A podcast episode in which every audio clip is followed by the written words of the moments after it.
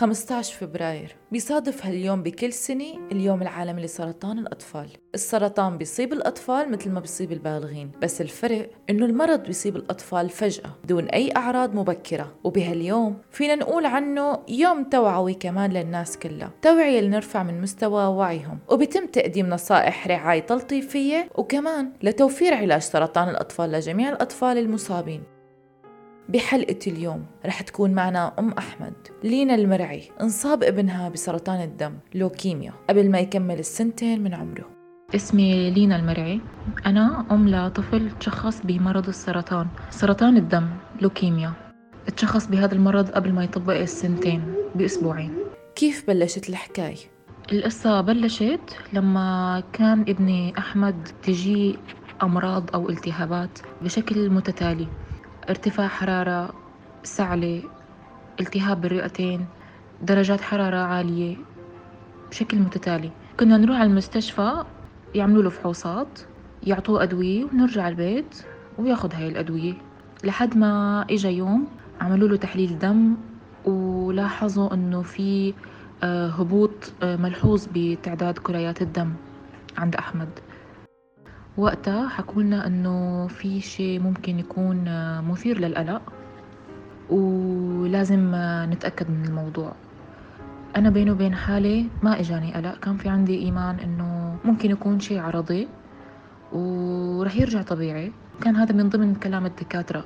قالوا إنه في بعض الفيروسات ممكن تدخل الجسم ممكن تسبب هذا الهبوط بتعداد الدم. وممكن تكون مؤقتة وتطلع من الجسم ويرجع الجسم طبيعي وأنا أخذت بهذا الكلام وآمنت فيه إيمان كلي. قعدنا وقتها فترة بمستشفى الواحة. قعدنا فترة بانتظار على أمل إنه تتحسن كريات الدم. أحمد اضطر يعمل نقل دم لأنه الكريات الحمراء كانت كتير نازلة. ضل أحمد فترة بأحد مستشفيات الإمارات بالعين. وبعد ما شافوا الدكاترة إنه أحمد ما عم يتحسن وإنه الفيروس ما عم بيروح قرروا إرساله لمستشفى تاني. مستشفى مختصة بأمراض السرطان والأورام. وفعلا رحنا على المستشفى ودكاترة هناك شافوا أحمد وحكوا لنا إنه رح نعطيه كمان وقت ممكن في احتمال إنه فيروس. مرق أسبوع مرق أسبوعين وما كان في أي تحسن ملحوظ آه، عند أحمد. فحكوا لنا إنه راح يعملوا له خزعة. وقتها أنا يعني رغم رغم إنه حكوا لنا إنه رح لازم نعمل خزعة كان في عندي إيمان إنه في أمل إنه ممكن يكون عبارة عن فيروس مؤقت وممكن يروح. ولحد آخر لحظة ما كنت قلقانة وكنت مقتنعة إنه ابني طبيعي ما فيه شيء.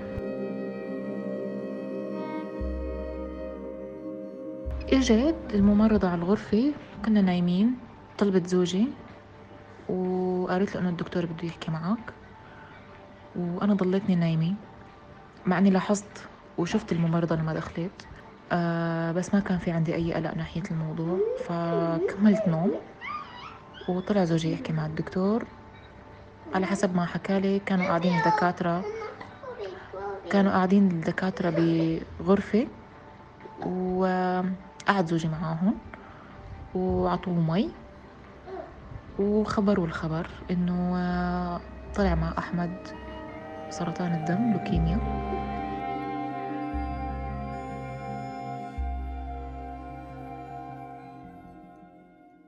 دخل زوجي على الغرفة فيقني من النوم.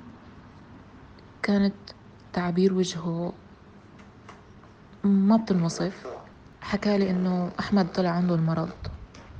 وأنا الحقيقة لحد آخر لحظة ما كنت مقتنعة. قلت له مرض شو؟ أي مرض؟ قال لي سرطان الدم. هاي اللحظة ما كانت من ما كانت أحد أصعب لحظات حياتي. كانت هي بحد ذاتها أصعب لحظة بحياتي لما سمعت هذا الخبر.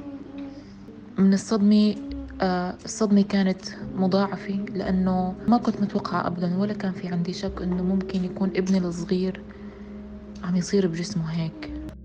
الحقيقة بهديك اللحظة أو بهديك الأيام أنا كنت حامل.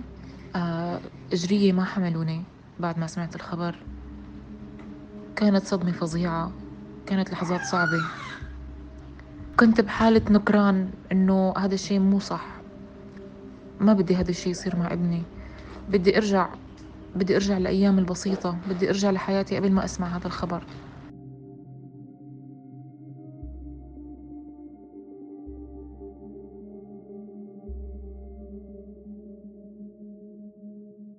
بهذاك اليوم طمنونا الدكاترة أنه هذا النوع من السرطان هو أسهل أنواع سرطان الدم ونسبة الشفاء عالية بإذن الله. أه بس حيكون وقت العلاج أو مدة العلاج حتكون طويلة شوي. أه بس الله بيسر لينا كانت موظفة وبعد ما تم تشخيص مرض أحمد ما قدرت توازن بين ابنها وشغلها ولهيك قررت أنه تترك وظيفتها وتفضى لابنها وعن العلاج الكيماوي. على طول من أول يوم آه، اكتشفوا فيه المرض بلشنا العلاج الكيماوي. أخذ أحمد أول جرعة. مرت بسلام. في أحد الأدوية اللي أخذها. آه، ممكن ما كانت بأول يوم كانت بعدين. في أحد الأدوية الكيماوي اللي أخذها أحمد. آه هذا النوع من الدواء أخذه مرتين بفترة العلاج. وبالمرتين كانت تصير معه أعراض غريبة. كان أول ما الكيماوي يدخل جسمه آه يزرق وجهه يختنق يقح بطريقة غريبة. بس الغريب إنه كانت تجي الأعراض ثواني وتروح. الحمد لله ما كان يطول. باقي الأدوية ببداية العلاج مرت بسلام. آه، عطوه الجرعات اللي بيحتاجها. وكان منيح. وأنا لما شفت ابني منيح حسيت إنه كل شيء حيكون منيح. طالما هو بخير صحته منيحة ما في مشكلة إذا كان في بعض الأدوية عم تدخل على جسمه. طالما هو منيح وعم يلعب وعم يضحك وعم يحكي معناته كل شيء حيكون منيح بإذن الله. مرت الأيام نحن ما كنا عرفانين شو جايينا مرت الأيام آه، طبعا للي ما بيعرف آه، أدوية الكيماوي بتخرب نظام المناعة بالجسم بتصير المناعة جدا ضعيفة.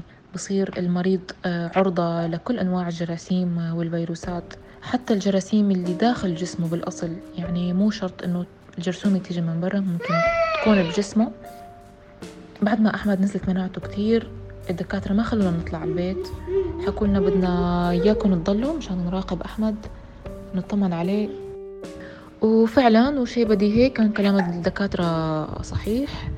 أحمد بلشت تبين عليه أعراض التهاب.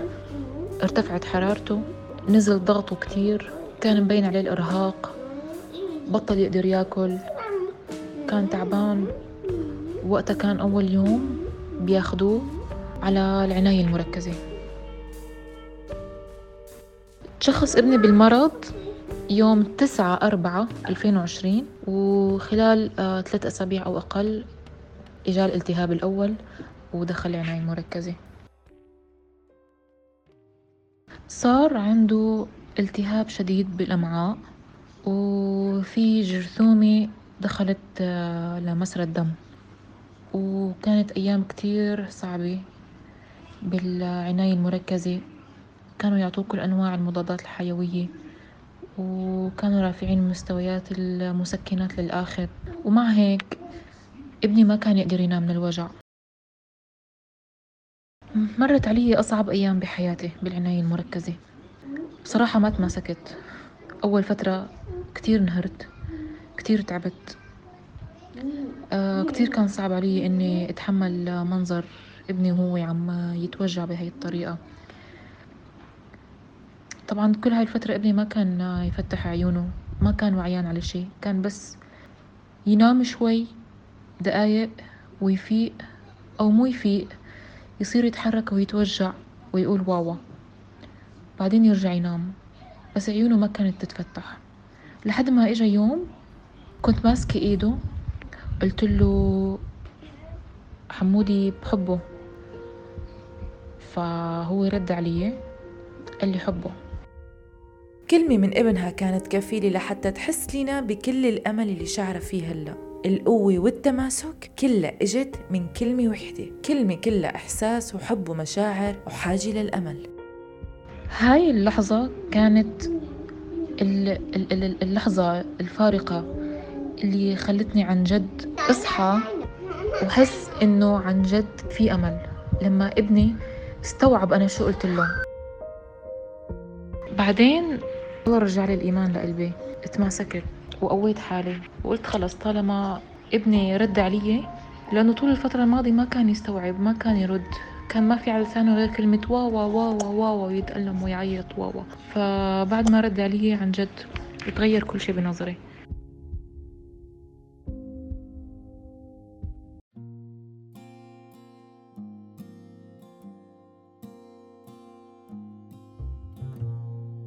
بهديك الفترة بلش شعره يوقع.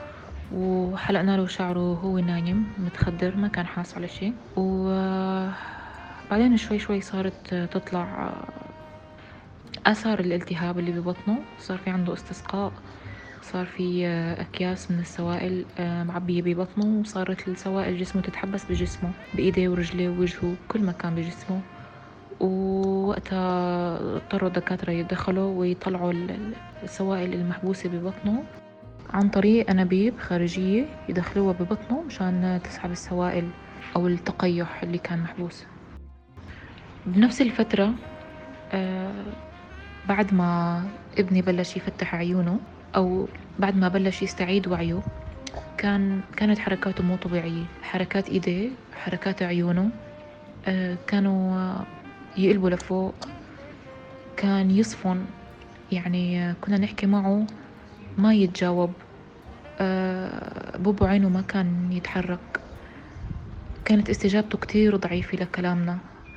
استيعابه كان بطيء. حركة عيونه ما طبيعية أبدا. لحد ما آه، عملوا له الدكاترة صورة CT scan لحتى يشوفوا إذا في مشكلة بالدماغ. بصراحة لحظات الانتظار ولحظات القلق والخوف بوقتها ما بتمناهم لحدا. كان مو طبيعي الخوف بهديك الأيام بس الحمد لله طلعت نتائج الصور كانت منيحة. كله كان سليم. أه بلش وقتها ياخد أدوية للأعصاب. أه لحد ما تحسنت حركة عيونه وبشكل تدريجي رجع لوعيه. وبعد ثلاث أشهر مضيناها بالمستشفى رجعنا على البيت. بس ما كان بيقدر لا يمشي ولا كان بيقدر يبلع. ما كان عنده قدرة إنه يأكل. طريقة التغذية كانت عبارة عن أنبوب بيدخل من الأنف بيوصل للمعدة بيتمرق من خلاله حليب خاص بيكونوا مدعمينه بالسعرات الحرارية مشان يوفر الغذاء المناسب للولد. مرت الأيام أحمد الحمد لله تحسن بشكل تدريجي. آه، رجع يقدر يوقف على رجليه. آه، قدرنا نستغني عن الأنبوب الحليب. آه، شوي شوي بلش يقدر ياكل بلش يستعيد شهيته.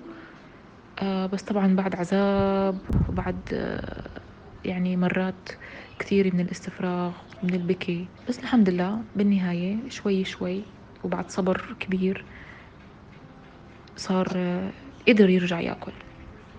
وبالنسبة للمشي كان يحاول وعمل جلسات علاج فيزيائي ورجع يوقف على رجليه وبلش يمشي.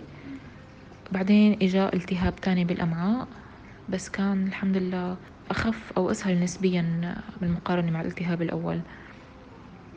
قضينا وقتها شهر بالمستشفى عم يتعالج عم ياخد مضادات حيوية. وتحسن منا وطلعنا من المستشفى على البيت مرة تانية ما كان بيقدر يمشي. مرة تانية رجع يعمل جلسات علاج فيزيائي.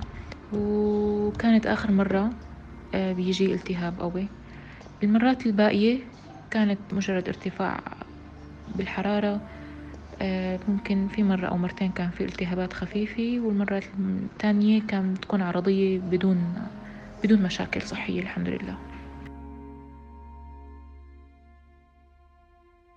هاي الأيام اللي تحسن فيها ابني ورجعنا فيها على البيت كنت كانت تمر علي لحظات يكون هو عم يلعب أو عم يحكي أو عم يضحك وأنا أسرح وأصفن وأطلع فيه وأقول يا الله يا الله قديش اشتقت لهاي الشغلات.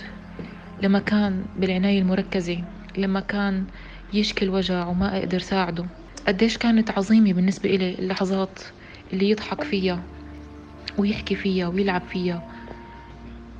وحتى اللحظات اللي كان يزعجني فيها إنه هذا هو الطفل الطبيعي هذا هو الطفل الصحي اللي بيعمل إزعاج اللي يعني نحن كأمهات طبيعي إنه نشوف تصرفات الأطفال أحيانا ما منطقية ومزعجة أو مستفزة. بس هذا هو الشيء الطبيعي. هو اليوم اللي بيمرق على الأم وبتوصل لنهاية اليوم تعبانة وهلكانة من من حركة ولادها ومن لعبهم ومن من أصواتهم. هذا هو اليوم الصح. هذا هو اليوم الطبيعي اللي لازم يمرق على كل أم. لما كان ابني بالعناية المركزة وكنت أرجع على البيت مشان أرتاح. كنت أدخل على البيت ولاقي ألعابه مرتبين والله كان منظر بيقطع القلب.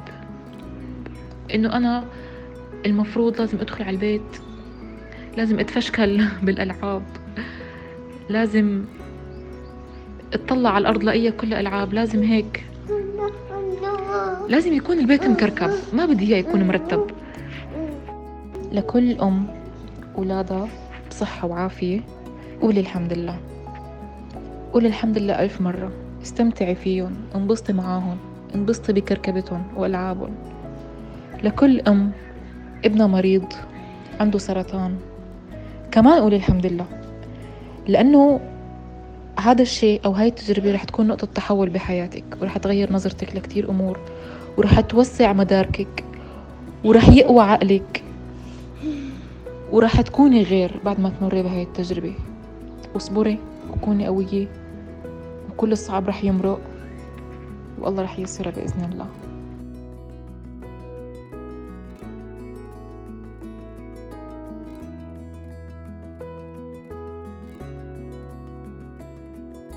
النعم النعمة ما بنحس فيها غير لحتى نحس إنه في خطر قريب منا بعرف إنه الشخص الطبيعي له حد للصبر لكن اللي بعرفه إنه نحس دايما بقيمة أي شيء حتى لو كان محزن أو مزعج. لأنه ما رح نحس بالفرح والسعادة إلا بعد الحالة السلبية اللي بنمر فيها. ولهيك بنحس بطعم الراحة. لينا أنجبت بنتها لارا وأحمد عم يتعالج وعم يتحسن وعم تتحسن حالته. وإن شاء الله بالأيام الجاي نسمع خبر شفاء وشفاء محاربي السرطان بالعالم أجمع. كنتوا عم تسمعوا حلقة من بودكاست حكايتي مع السرطان. أنا غيداء مراد آغا. استنونا بأمل جديد وحكاية أمل جديدة. سلام!